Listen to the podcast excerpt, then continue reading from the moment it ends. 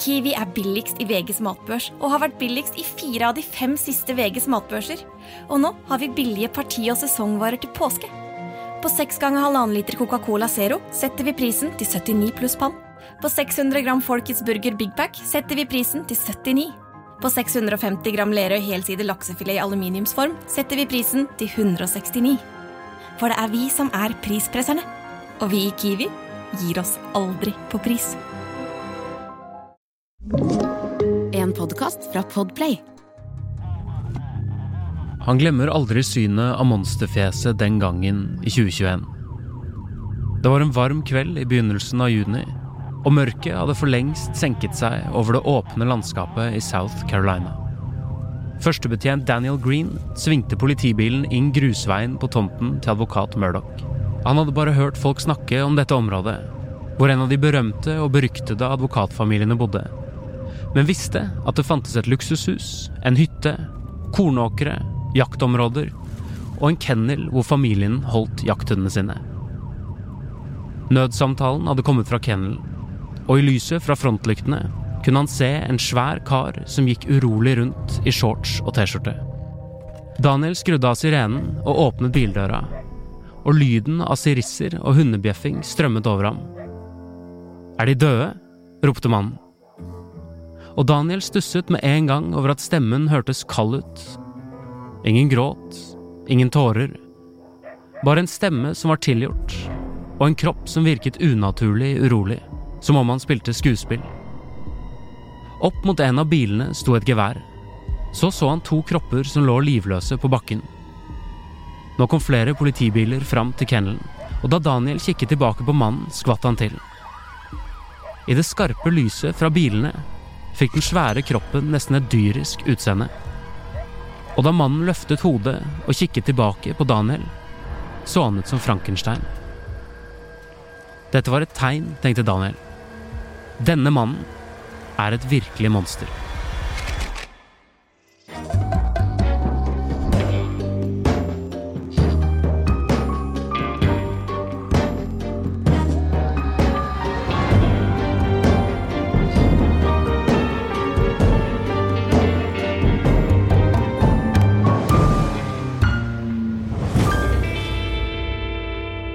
Velkommen til dagens episode av På innsiden av Psykoder med meg, Jonas Hoff Oftebro, og deg, Susanne Nordby Johansen. Hei på deg, Jonas. Hei, du er jo nevropsykolog og spesialist i voksenpsykologi, og du jobber som rettspsykolog.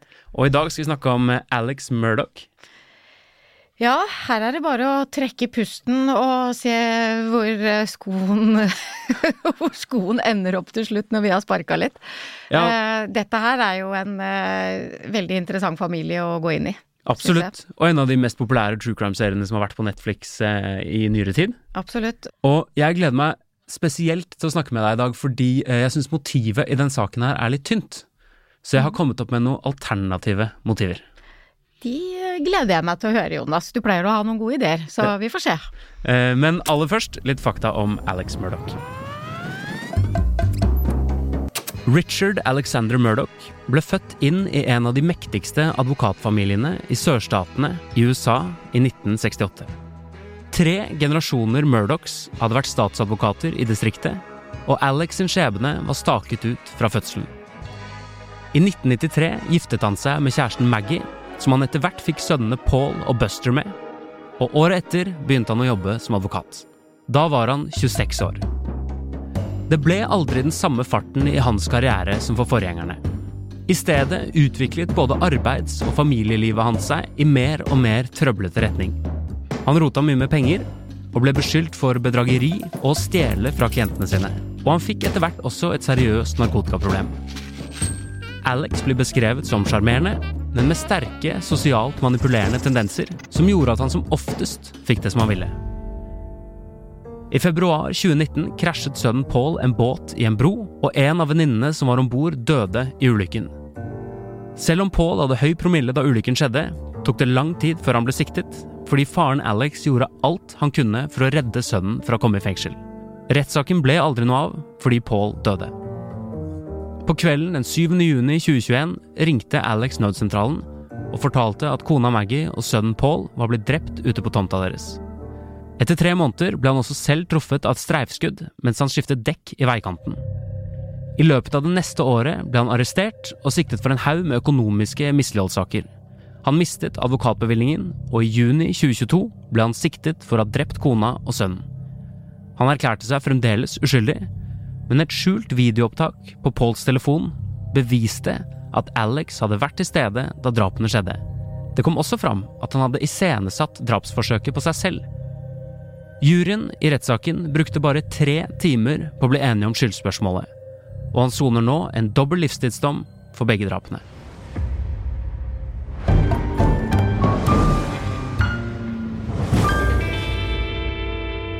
Ja, Det var bak, bakgrunnen til Alex Murdoch. Ja i hvert fall bitte lite grann av den svære og omfattende bakgrunnshistorien som egentlig ligger der. Men jeg syns det har vært vanskelig, for jeg har slitt eh, med å finne noe om barndommen hans. Men eh, du kom her i dag og sa at du har funnet litt om familiebakgrunnen hans. Ja, jeg klarer jo akkurat som deg å ikke finne noen ting om, om den familien han er vokst opp i, altså kjernefamilien hans, hvordan han har hatt det i oppveksten sin, det klarer jeg ikke å finne, og, og hvordan foreldrene var, eller om det var noe som var, jeg håper å si, ikke innafor rammene. Mm. Denne familien, altså Murdoch-familien, har jo en historie i dette området helt fra 1800-tallet. Ja. Eh, og for de amerikanske borgerne så er en familie som har så lang historie, det er royalty. Sånn som vi som har eh, konge og dronning og ja, det er adelen, liksom. Det er adelen i samfunnet, Ja. så de har i utgangspunktet veldig, veldig høy status. Og i tillegg så, eh, så er det en bestefar litt langt tilbake, altså som da blir tipp-tipp-tipp til noen av disse her eh, som vi skal snakke om her, som var fetter til Jefferson Davis, som var confederate president. Ja. Og da blir det jo enda mer royalty i Ikke sant? familien. Så nesten uansett hva disse menneskene har gjort opp igjennom generasjoner, så har de med seg en adelighet som nok gjør at de blir sett på som litt over alle de andre. Ja, de har vært høyt oppe i byråkratiet, liksom. Veldig høyt oppe, og i tillegg så har de jo da i generasjoner klart å gjøre seg eh, bemerket i samfunnet på sin egen måte. Så de, de bare fortsatte på en måte å bygge opp dette her etter hvert som åra gikk. Og så er det noe snakk om at eh, det er noen i familien som kanskje har blitt drept, eller har dødd i en rar ulykke. Ok. Og noen sier at det, eh, det var alkohol. Det var bestefaren til Alex Murdoch som døde på jernbaneskinnene. Bilen hans sto plassert på jernbaneskinnene. Oi. Og så er det noen som da sier at eh, dette gjorde han sjøl. Han var beruset og hadde et avhengighetsproblem. Ja. Og det var mye alkohol. Mens eh, Alex og, og eh, faren til Alex mente jo da at dette var eh, drap. Det var drap, ja. Ja, og han var jo også advokat, så det, det har jo mest sannsynlig noe med sak å gjøre, men noe mer enn det fant jeg ikke. Eh, annet enn at eh, faren til Alex hadde prøvd å få saken opp som en drapssak, og så står det ikke noe mer knytta til det, da. Så det har nok skjedd litt sånn derre snusk, skal vi kalle det det, som Ja. hadde passa for oss å snakke om, eh, i denne familien i generasjoner. Og det gjør jo noe med personene som lever i en sånn familie. Ja. Ja. Hva tenker du Jeg fikk veldig lyst til å si noe om at dette kan ligne på The Kardashians. Ja, men hvis du tenker på royalty i familien her, så er Ja, ja. Kardashians noe av det du nærmest kommer til royalty nå. Så var Murdoch-familien det i sin tid. Og kunne vel mest sannsynlig også blitt realityshow, hvis ikke det hadde endt opp med drap og blitt en helt annen form for realityshow. Det har blitt blitt en kjempebra true crime, i hvert fall. Det har det blitt, absolutt. Men hva tenker du det gjør med deg, da, å vokse opp i en så privilegert familie som Alex Murdoch har gjort? Ja, en så privilegert familie, pluss at det er en familie som er veldig opptatt av fasade, og som Ja. er veldig opptatt av å holde fasaden sin i generasjoner. Det finnes jo ikke noen familier hvor det ikke finnes sorte får, sånn at, at de har en for vane å dekke over ting, det Ja. vil jeg tenke at de har. Når du vokser opp i en sånn familie, Mm. så lærer du det tidlig. At her passer vi på hverandre, vi skjuler, fasaden vår er det viktigste av alt, og Alex har lært av sin far at eh, jeg skal passe på deg og dekke over for deg, og det gjør også Alex da for Paul, eh, sønnen sin, da, når han eh, Men tror du at de føler at de er hevet litt over loven, på en eller annen måte? Selvfølgelig. Fordi de jo også er den som håndhever loven, på en eller annen måte. Ja, de er jo statsadvokater, og, har jo, og statsadvokaten har faktisk ganske mye makt Ja. i eh, USA i forhold til her. Og her skiller jo på en eller annen måte de seg litt fra de vi har snakket om før, fordi veldig mange av de vi har snakket om før, de gjør dårlige risikovurderinger, men av andre grunner enn Murdoch-familien. Murdoch-familien tar på en måte den risikoen, men basert på at de tror de kan lure systemet? De kommer seg jo unna med det. Ja. Altså, de kan jo bestikke en her og en der, og de kjenner en som vil hjelpe dem der, og vitne for dem der, ikke sant. Og Ja. mest sannsynlig så har de jo da forsvart ganske mange kriminelle opp gjennom sin tid, som de da kan gå tilbake til og si at hei, nå trenger jeg noe gjentjeneste. Ja. Det er jo et kynisk, eh, kall det virke. Litt sånn lenger tilbake så var det jo helt mye mer korrupsjon også i systemet.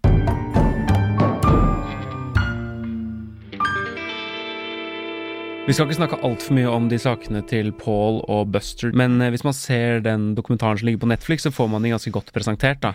Veldig. Og da ser man også liksom hvordan Alex Murdoch og den familien funker. Den måten de klarer å på en måte skille folk fra hverandre og manipulere hvert enkelt vitne og sånn. Det er ganske interessant. Ja. Og så er det et annet element som også kommer veldig tydelig fram uh, i, eh, når det er snakk om Paul, det er uh, avhengighetsproblematikk i denne familien. Og avhengighet skal vi snakke mer om. Fordi Alex Murdoch hevder jo selv at han er et offer for eh, opioidepidemien i USA. Når han var på college, så hadde han en skade i kneet som han ble operert for mange ganger, og begynte på opioidtabletter. Og det gikk han da på i 20 år. Og eh, når han ble tatt for det drapet, så hevdet han jo at han hadde tatt 60-70 tabletter om dagen, altså det som skulle tilsvare en dødelig dose. da. Eh, Men hvordan har det formet han, eller hvordan former det et menneske å ha et eh, misbruk over så lang tid, da? Når Alex Murdoch forteller at han har eh, inntatt eh, mellom 60 og 70 piller eller Mm. tabletter på én dag, så vitner dette om ikke bare avhengighet, men også misbruk. Ja. Det er dyrt. Ja. Det er veldig dyrt å kunne innta så mye piller, og du får ikke så mye piller av legen din heller. Så han har måttet kjøpe dette på det illegale markedet. Ja. Ergo så har han vært nødt til å gå ut og få seg noen ekstra penger som han kunne holde skjult fra familien, og det har han da gjort med alle disse sakene som han har fått penger, forsikringspenger, fra sine klienter. Jeg tror det har vært for å dekke sitt eget behov for medikamenter. Og grunnen til det er jo at 60-70 tabletter, det betyr at han har en veldig, veldig høy toleransegrense. Ja. Altså, han kan ta utrolig mye mer medisiner, eller piller, uten å merke den samme virkninga som du ville merke. Jeg tror jo faktisk jeg hadde dødd. Du skal ikke se bort ifra at vi hadde kælva, som det heter på Nei. godt kveldespråk. Men for la oss snakke litt om det, da. Han begynner jo å svindle mennesker fra dette advokatfirmaet sitt, ikke sant? Mm. Og ja, jeg kan skjønne at han må ha noen penger svart til eh, forbruket sitt, eller misbruket sitt, men det er snakk om jævlig mye penger. Bestikkelser. Han bestakk jo folk òg. De pengene kan du jo ikke ha noe øh, bevis for. Men det er snakk om liksom 80 millioner norske kroner. Jeg tror faktisk at vi her hjemme ikke helt forstår pengebruken til familier som er vant til å ha så mye penger mellom henda. Alt koster 100 ganger så mye som det du og jeg tenker at vi skal bruke på en ferie, for eksempel. Og for å opprettholde den standarden, pluss det avhengige, eh, avhengigheten han hadde, så tenker jeg at det var helt nødvendig for han. Men tror du ikke også det er en del av han som En del av han trenger pengene, og en annen del av han er bare sånn jeg er en- Jeg er en Murdoch. Jeg er en Murdoch, jeg kan få det her til. Ja. Ja. Jeg kjenner folk i systemet, systemet er med meg. Mm. Hvis jeg blir tatt, så faller alle. Litt sånn. Ja. Og det tenker jeg på hvordan det må være å være fra en så stor familie på et så lite sted. Det må gi Og det er jo det makt. det er å være adeligheten og ha makta i samfunnet, ikke sant. Så den familien er jo spredt ut i dette lokalsamfunnet. Ja. Uh, og hvis én gjør noe feil i den ene siden av familien, så vil jo Alex kunne hjelpe. Ja. Og alt det trengte de mest sannsynlig ekstra penger til. For det kan jo ikke synes i deres private økonomi at de for eksempel bestikker en eller annen politimann som stoppet en eller annen sønn for fyllekjøring. Ikke sant? Ja. Skjønner du hvor, eh, hvor korrupt jeg, jeg tenker at det er? ja, for du tror at de må betale hver enkelt, du tror ikke at de på en måte bare har det på navnet sitt og hvem de er, liksom. Jeg tror det var mye penger ut til illegal business. Familien har jo også en sånn eh, moonshine-historie bak der. Har de det? Ja, eh, og de flytta sånn moonshine-bedrift ut i skauen uh, på, på et tidspunkt hvor uh, det ikke var lov å brygge noe alkohol og drikke noe alkohol. Ja, så det går noe rus, da. Det går noe rusmisbruk Det i familien? den familien. rus og misbruk og avhengighet i denne familien langt tilbake. Mm. Og med rus og avhengighet så følger det en god del annen kriminalitet. 20 nye sparetips hos Kiwi. Dette er mitt sparetips. Nyheten First Price kjøttdeig svin uten tilsatt vann og salt. Garantert billigst i Kiwi. Nå får du First Price kjøttdeig av svin til 29,90, First Price bacon til 21,90 og mange andre First Price-nyheter hos Kiwi.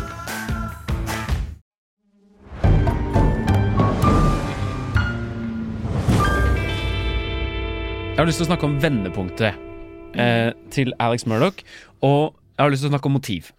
Fordi eh, det retten bruker som motiv, det er at eh, det er blitt oppdaget at Alex Murdoch har svindlet penger fra advokatfirmaet sitt, og han har en rettssak som skal til å komme opp. Og så mener de at han dreper kona og sønnen sin for å kjøpe seg selv mer tid og bli sett på som et offer. Det syns jeg høres litt svakt ut. Det kan godt hende han ønsker å bli sett på som et offer, Mm. men altså, jeg tenker jo at det er jo ikke det som er motivet hans for å drepe Maggie og Paul. Nei, ikke sant? Nei, Her kommer noen teorier fra meg. ja, flott. Um, det første er Kona Maggie har jo søkt om en skilsmisse. Og da lurer jeg på, kan det være at han kom dit for å drepe henne? For han hadde jo sendt henne en tekstmelding og sagt du må møte meg der på den hytta. Og så var Paul der, og så måtte han drepe begge. Ja. Hvis vi ser til Norge for eksempel, da, så er det jo sånn at de fleste drap skjer i nære relasjoner. Uh, og så er det jo litt sånn at det er de fleste som dreper, de er menn. Mm. Uh, og de fleste menn som dreper i nære relasjoner, dreper fordi at kona har trua med å gå fra de.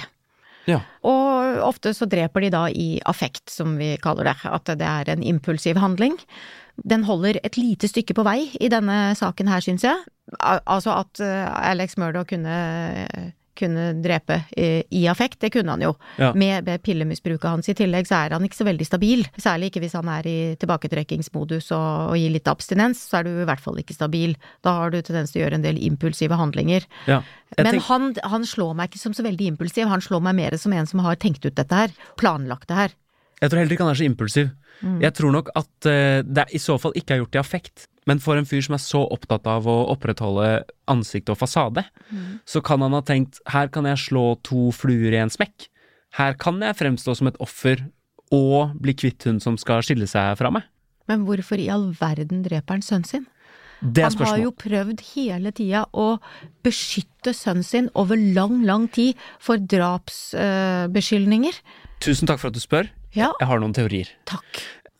Kan det ha vært at den rettssaken til sønnen Paul omkring den båten i 2019, det satte søkelyset på familien Murdoch, eh, og det var det som også førte til at denne svindelen til eh, Alex ble oppdaget. Eh, I tillegg så var det også kjent at Paul var veldig opptatt av at faren ikke skulle ta for mye piller, og var veldig liksom mistenksom på hva han gjorde når han var alene og sånn. Kan det ha vært med på at Alex tenkte ok, Og så tror jeg i tillegg at Paul mistenkte faren for å ha noe å gjøre med drapet på denne eh, Gloria, Gloria. Satterfield, Ja. hushjelpen. Så jeg, jeg, det kan jo tenkes at eh, Alex ønska å bli kvitt både kona og sønnen, Mm. men å drepe barnet sitt er én ting, å drepe kona si er en annen. Og hvis han da tenker at nå tar jeg bare og smæler til med begge to på en gang, så er han jo noe av det mest eh, kyniske, kalde, uempatiske mannen jeg liksom kan klare å se for meg. Mm. Et annet alternativ her er at eh, Paul i hendelsesforløpet der prøver å beskytte mammaen sin Ja. og blir drept i kampens hete, og at det egentlig var eh, noe han ikke hadde tenkt, Alex, å drepe Paul. Men så så sa vel du noe på et eller annet tidspunkt politiet hadde funnet ut at det var ikke riktig rekkefølge? Ja, altså, Paul blir skutt først, Ja, ikke sant. to ganger med hagle, og så må han ha snudd seg godt, byttet våpen, og så skutt henne med en rifle. Vi skal komme tilbake til det. Men før det, Mm. så vil jeg prate litt om det å dekonstruere et drap, og så kunne sette det sammen igjen. Fordi eh, Alex Murdoch er jo advokat. Han har jobbet med masse straffesaker, ikke sant? Så når han begår det drapet, så klarer han også å tenke som en advokat. Han klarer å på en måte plukke det fra hverandre. Da er du kald og kynisk, da. Ja, I gjerningsøyeblikket ditt. Men jeg hadde lyst til å spørre deg, fordi du har også vært i ganske mange straffesaker. Det har jeg, vet du. Det må jo også være ganske mye enklere for deg og folk som liksom har kunnskap om det, å faktisk komme unna med det. Man lærer jo litt underveis i den jobben eh, jeg har, da, om eh, hvordan man skal gjennomføre ting, og hvordan man kanskje burde la være å gjennomføre ting fordi at det blir så opp i dagen synlig. Ja. Og så har vi jo både patologer eh, og rettsmedisinere som undersøker gjerningsstedet, eksempel. Ja. Eh, som, som lager disse spora og disse veiene som du snakker om, eller rekkefølgen, og, og rekonstruerer på den måten. Og det er ganske interessant å sitte i en rettssak og få sånne ting presentert. Ja. Og det er klart at jeg ville kunne lære av det. Kanskje jeg da ikke ville gjøre det på den måten, at jeg ville gjøre det på en annen måte. Hvis jeg skulle drepe noen, da. ja, fordi han er utrolig god på å fjerne alt det som er direkte bevis. Så for eksempel så er de jo skutt med to hagler som familien Murdoch har, men de haglene er borte. Så de får aldri sammenlignet kulene med de riflene fra huset deres. Han har byttet klær, og så klarer han å lage seg et alibi. Han forsvinner og drar til hushjelpen til moren, er hos moren sin, får henne til å lyve om hvor lenge han er der, sier jo at han aldri var på kennelen tidligere på dagen, ikke sant? Han har på en måte plukket fra hverandre alle de bitene som kunne felt han, tatt de ut av saken. Men tror du han har sørga for at drapstidspunktet her har blitt forskjøvet, kanskje? Han forskyver ikke drapstidspunktet, men han forskyver når han er der. Ja. Men det blir jo det da, for Ja, da vil de jo ikke kunne klare å bestemme med sikkerhet når det drapet skjedde. Du har rett. Det han sier, er at de dør typ en time, en og en halv time senere. Fordi hvis det er han, da, mm. som vi jo tror at det er, så må han ha drept dem, skiftet tøy, kvittet seg med tøyet og, og våpnene, kjørt til morens hus, vært der i 20 minutter, så kjørt tilbake, later som han finner dem, og ringer politiet. Så det, den rifla som da sto oppe etter den bilen som vi fikk introdusert i starten, Ja. det var faktisk et, ikke et av drapsvåpna. Nei, men dette er jo eh, et typisk sørstatshjem, ikke sant? Altså, de har jo Ja. hundrevis av rifler, og da, dette er ikke en overdrivelse. Men da har, han jo i, i tillegg ikke bare kvitta seg med to våpen, men han har også eh, staged, som vi kaller det. Han har jo putta et våpen inn i scenen, Mm. som faktisk ikke er det våpenet som er blitt beskutt med. Nei. Som han sikkert er der, beskytter seg selv med, eller Ja, passer på, et eller annet sånt noe. Ja. Ja. Så, så, og da har han jo også introdusert ting til den drapsscenen for Ja. å forvirre. Dette her er godt planlagt, altså. Dette har han gjort steg for steg for steg. ja, for det Mer kalkulerende skal du jo leite lenge etter, altså. det leder veldig godt opp til mitt neste spørsmål. Ja. Fordi idet politiet kommer, noe av det første han sier, er um, det må være de som har gjort det, de som er ute etter Paul. Fordi etter den båtulykken så har Paul hatt masse trusler mot seg. Så dette må jo ha vært premeditert. Han må ha tenkt igjennom alt. For du tror ikke han er advokat og smart nok til å bare dekonstruere dette lynkjapt, og så bare pa, pa, pa, pa, pa, Nei, fylle? er- han har brukt lang tid den dagen på det. Ja, men kan ikke bruke for lang tid heller.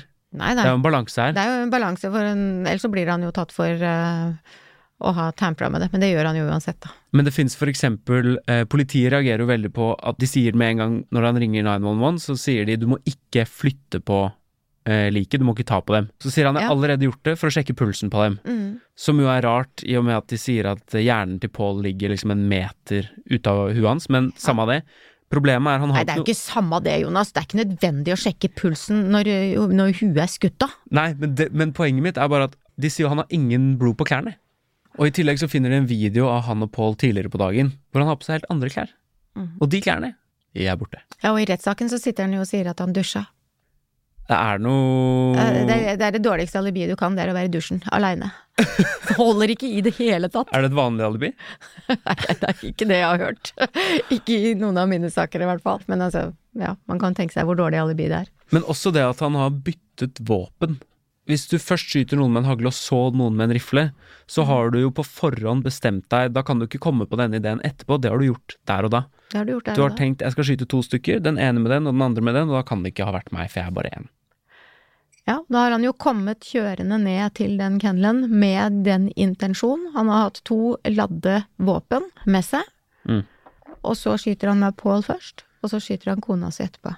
Og så begynner han å dekonstruere hele scenen.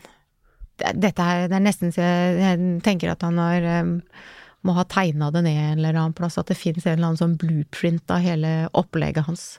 Det har de jo ikke funnet, da. Han har det sikkert oppi huet, vet. Ja, mest sannsynlig. Jeg tror ikke han er dum, Jonas. Jeg tror han er veldig smart. Jeg tror også han er eh, veldig smart. Jeg tror også han har veldig inngående kunnskap. Er du advokat og har vært i en del saker, så har du vært igjennom en del eh, rettsmedisinske rapporter, og du vet jo hva politiet ser etter. De ser jo etter DNA. Og eh, de har jo ikke funnet hans DNA på noe som helst der. Nei. Nei. Bortsett fra på likene, da, som han jo sier at han har Ja, men de har han jo tatt på, det sier han jo. Ja.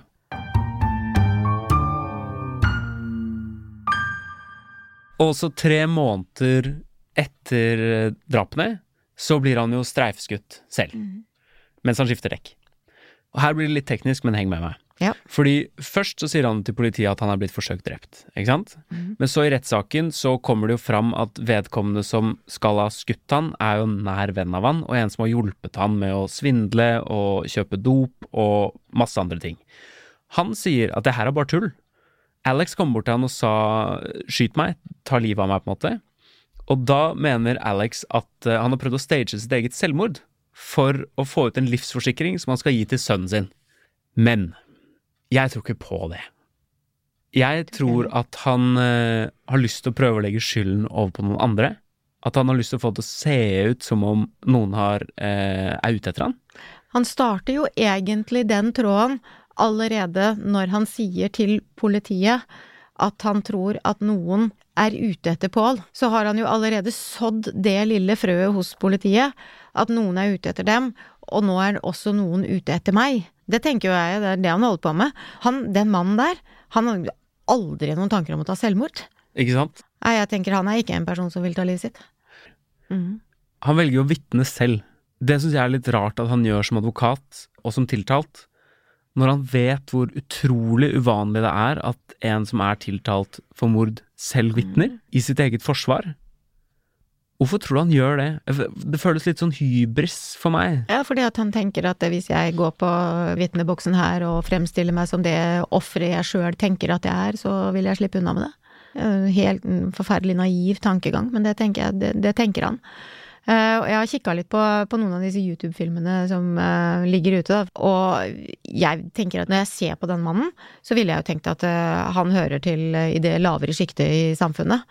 Ja. Han formulerer seg jo ekstremt dårlig. Han tusler det til, klarer ikke å lese tekstmeldingene som han får forelagt, litt sånn usikker. Han ser rett og slett veldig, veldig tuslete ut, Ja. hvilket jeg tenker er spill fra ende til annen. Enten så er han så langt nede i rusmisbruket sitt, og er, er bare helt ødelagt av alt det rusmisbruket. Han Ja. gjør seg sjøl så elendig som han kan gjøre seg for å få sympati. Her har vi psykopaten på sitt aller beste. Han han, manipulerer, han ljuger, han har null empati. jeg tror han er psykopat. Ja, det tror jeg. For han er såpass kald, liksom. Ja. Kald, kynisk. Ja, akkurat det samme som Johanna Møller, som Ja. vi snakka om forrige gang. Hun gjør jo akkurat det samme. Gjør seg til offer. Og jeg kaller vel henne psykopat fra ende til annen, en kvinnelig psykopat, hvis ikke jeg husker helt feil. Ja. Ja. Det er det eller Så har vi det, det eller demenssykdom, ja. Eh, hos Alex Murdo så er det enten psykopat eller rusmisbruk og avhengighet. Jeg tror ikke det er enten eller med Alex, da. Jeg tror faktisk det er begge deler. Du tror det er begge deler? Da? Ja, han har en alvorlig avhengighetsproblematikk, og det gjør han jo sjuk og dårlig. Og det gjør noe med hjernekjemien din nå, ikke sant? Absolutt, det gjør jo veldig mye med kjemien i hjernen hvis du har putta Oxycontin i den hjernen i så mange år. Eh, Så tar jo absolutt eh, dette medikamentet plassen til en del andre substanser som skal sørge for kommunikasjon i hjernen. Ja. Og når du tar bort det, det medikamentet, så lager ikke hjernen så veldig mye av de substansene som egentlig skal sørge for kommunikasjon. Så da blir det litt brudd. Ja. Og det er jo det som er tilbaketrekkingssymptomene du får da. Altså den, den atferden som du ser hos han, og skjelvinger og svettinger og alt sammen. Det er jo fordi hjernen ikke har de substansene til å, å sørge for den kommunikasjonen. Ja. Ja. Så at han fortsatt også da er litt abstinent når han er i retten, fordi hvis han har brukt så mye medikamenter over så lang tid, så skal det litt tid før han blir eh, rein. ja, absolutt. Mm. Men hvis han ikke hadde vært rusavhengig, hadde Ja. han da allikevel eh, kunnet bli psykopat? Altså er han født sånn, eller ehm, Eller er det noe som kan komme rett og slett bare av rusmisbruk? Psykopaten har vi jo snakka om er jo mer født sånn enn sosiopaten, sånn at jeg Ja. tenker at uh, kanskje Alex i utgangspunktet ikke er en psykopat, men en sosiopat. Ja. At han er formet av familien sin og vokst opp i generasjoner og hørt om hvordan vi har gjort det i disse generasjonene. Mm. Uh, her er det lov å være kriminell, her er det lov å gjøre sånn og sånn. Og så kan han jo være født med noen uh, trekk uh, fra før av på dette litt sånn kalde, kyniske, litt lite empatiske sida. Ja. Og, og hvis, han da putter på, hvis du putter på dette med rusmidler over tid i tillegg, da, så blir det jo helt gærent. En rusmisbruker blir veldig kalkulerende, men en rusmisbruker i seg selv trenger ikke å være psykopat. Nei. Nei. Men de blir veldig opptatt av å opprettholde sitt rusmisbruk å få tak i nok medikamenter, og går jo da eh, i noen tilfeller over lik for å skaffe seg disse medikamentene. Men de trenger ikke nødvendigvis å ha en antidyssosial personlighetsforstyrrelse for det, fordi at det handler bare om å opprettholde sitt eget misbruk. Ja. Mens han jobber jo også på de som er rundt han, og manipulerer. Han manipulerer jo både sin kone og sine barn. Eh, hvis han hadde noe å gjøre for eksempel med drapet på barnevakta, som han jo for så vidt visste at var Paul sin egentlig nærmeste mammafigur. Ja. Sant? For det er jo noe som har kommet fram i den saken med Paul, var at eh, Maggie var ikke så veldig mye til stede. Det er egentlig denne dagmammaen, eller denne nannyen, Mm. som, som han egentlig har forholdt seg til som mammaen sin. Og hvis Alex da går og dreper henne, så sier jo det noe om at han ønsker å skade sønnen sin. Og, og da er vi tilbake på psykopaten. Jeg, tror, jeg vet ikke om jeg klarer å lande på om han er psykopat eller sosiopat, eller Men la meg en slenge inn det her, da. kobling. Ja, la meg slenge inn en annen teori. Eh, Mannen i gata-teorien. Ja. Fordi de har funnet ut at han var jo ikke der når hun Gloria Satterfield døde. Hun barnevakten. Mm. Eh, så det kan jo faktisk hende at hun har snubla. Og så sa han at han var der, sånn at de kunne saksøke han. Og så saksøkte de han. Ja, og de pengene fikk, Der fikk han jo tre millioner dollar som han fikk satt over på et falskt selskap som var hans, ikke sant? Mm. Som han egentlig hadde lova sønnene til Gloria, eh, Ja, som, som skulle få som eh, tort og svie for at hun døde på hans eiendom, eller et eller annet sånt noe. Nettopp. Forferdelig smart fyr. Men det er her jeg lurer på om kombinasjonen rusmisbruker og utspekulert advokat kan se ut som psykopat. Eh, fordi han er såpass kalkulerende kald og på en måte um, har eh, tenkt på det her så lenge at det virker veldig psykopat. Men kan det også være liksom rett og slett miljøet han har rundt seg, mer enn biologien han har inni seg? Men samtidig så er det jo noe med at eh, miljøet du har rundt deg i generasjoner, endrer gener. Det kalles for epigenetikk. Det er jo når trekk i familien begynner å utvikle seg over tid. Så jeg vil jo tenke at disse mennene i denne familien har hatt trekk av dette manipulerende ved seg, eh, og det litt kalde og kyniske, i generasjoner. Ja. Eh, også hvis du putter på det rusmisbruket til Alex i tillegg, da, og så grådigheten i forhold til penger, så, så får du en forferdelig dårlig kombo. En slags epigenetisk psykopati. Ja, kanskje vi skal kalle det det. Det, det ble veldig ufaglig. Men, eh, men ja, du kan godt kalle det det, Jonas. Sånn er det når du henger med meg, da er det ufaglig. Ja. Jeg syns at med Alex Murdoch så er det vanskeligere å si sånn uh, Hva skal du gjøre hvis han er naboen din? Altså Hvis du har en kækse som nabo, så har du en kækse som nabo, på en måte. Ja, Men du vet jo om han, da, fordi han er så kjent i nærmiljøet ditt. Han er han rike som du vet kommer unna med alt mulig. Og eh, sånne folk blir jo ofte utsatt for veldig mye ryktevirksomhet av både folk som er misunnelige og som har følt seg overkjørt og sånn, og i et eh, forholdsvis lite samfunn eh, så ville det jo komme for en dag at han kanskje ikke var så ok allikevel. Men det betyr jo ikke nødvendigvis at han ville vært noe annerledes mot meg. Jeg ville vel kanskje sett over, over der og tenke at jeg ser ja, ny tøff bil annenhver uke, for eksempel, eller ja ja, det er jo bare en del av den familien. Jeg tror ikke jeg ville tenkt noe særlig over hvordan skaffer han seg det, liksom. De har jo så mye penger allikevel. Ja, det er det. Ja. Hva kan du kjenne deg igjen i, da? I Alex Murdoch? Jeg tror jo de fleste av oss kan kjenne oss igjen i et ønske om å ha økonomisk frihet til å, å gjøre det vi ønsker å gjøre. Ja. Um, oppmerksomhet. Status. Ja. Det at noen ser på deg, vet hvem du er. Jeg kan jo kjenne meg igjen i ønsket om det. Selvfølgelig. Ja, det tror jeg vi kan alle sammen. Ja, jeg kan, jeg kan også det. Ja, du står jo på scenen hver eneste dag, ønsker at folk skal kjenne deg igjen. Nei da. Du har en overdreven eksponeringsdrang, Jonas. Nei da! Ikke i det hele tatt. Nei da. Men uh, jeg kan også kjenne meg litt det der Jeg prøvde å slutte å snuse en periode. Kan bli litt sånn sint.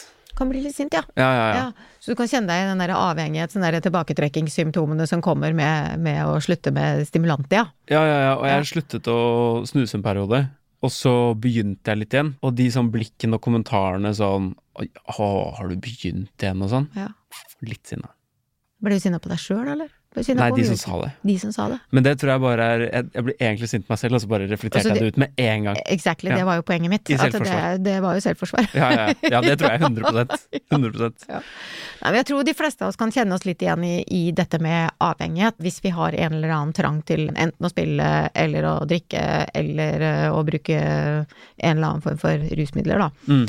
Så er jo det en ting som er velkjent for oss alle sammen. Ja. Men ikke, ikke dermed sagt at jeg ville synes at det var noe greit, da. Nei. Altså, han har jo fått, opp igjennom livet sitt, så har han jo vært Han har jo levd i en familie som har hatt utrolig mye fordeler. Ja. Det kunne jeg også tenkt meg litt. Det hadde ikke gjort noe, det, om det liksom kom liksom, litt sånn det som vi kaller på norsk rekende på ei fjøl. Det eneste Ja. jeg ikke har lyst til, er å arve den epigenetiske psykopatien. Det, Det- virker som en Det er et kjipt lodd. Men ja, fordelene hadde vært litt eh, greit. Ja, men da er det jo fordelene ved å bo i en familie som har mye penger, eh, og hvor du ikke behøver å jobbe så veldig mye for å komme til den angivelige lykken, da. Så virker sånn harry sørstatsrik virker litt gøy. Mm. Kjører rundt i sånn hvit Hummer og Ja, jeg ser jo for meg en annen bil, da. Du, hvilken bil ser du Jeg ville jo ikke hatt en Hummer, Jonas. Nei, men det, Den er jo altfor svær og klumpete, og så ville jeg ikke klare å parkere med den. Hadde jeg levd i den familien, så hadde jeg helt sikkert hatt en liten rød Mustang kabriolet. det har vært spennende. Det er en ganske annerledes sak i og med at han er så privilegert. Han minner litt om Robert Durst i liksom eh, oppvekstvilkår. Ja, og litt samme typen, rett og slett fordi at eh, han kommer jo fra omtrent akkurat de samme kåra, og han gjør akkurat de samme litt sånne rare, underlige tinga. Ja. Så kanskje det er noe med disse her rike familiene i USA som blir litt sånn. Ja, Og kanskje. tenker at de, de får, kan få lov til å gjøre alt mulig rart, og slippe unna med det. Ja. Eh, og så gleder jeg meg veldig til neste uke. Da skal vi snakke om Samuel Little. Ja, han var jo den første jeg introduserte nesten for dere, når vi eh, begynte å snakke om hvem i all verden er det vi skal snakke om i denne podkasten. Ja. For han har jo noen svært interessante sånne nevropsykologiske ting som jeg godt kunne tenke meg å snakke om. Det gleder jeg meg til. Og så har han jo også 93 eh, drap på samvittigheten, så han er jo den vi skal snakke om som har drept flest. Så um, vi får se hva vi finner ut av med han. Ja, det blir spennende. Veldig. Og så, helt til slutt, så vil vi gjerne oppfordre dere som lytter til å fortelle det videre. Eller hvis du likte det, så kanskje gi oss en rating på Apple eller Spotify eller der du hører på podkast. Susanne, tusen takk for i dag. Takk for i dag, Jonas. Vi høres neste uke.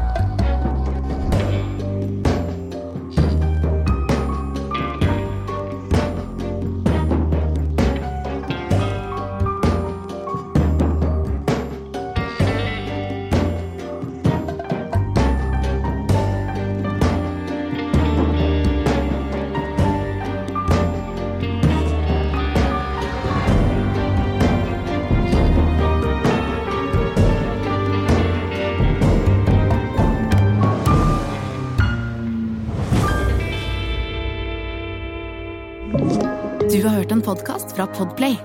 En enklere måte å høre podkast på. Last ned appen Podplay, eller se podplay.no.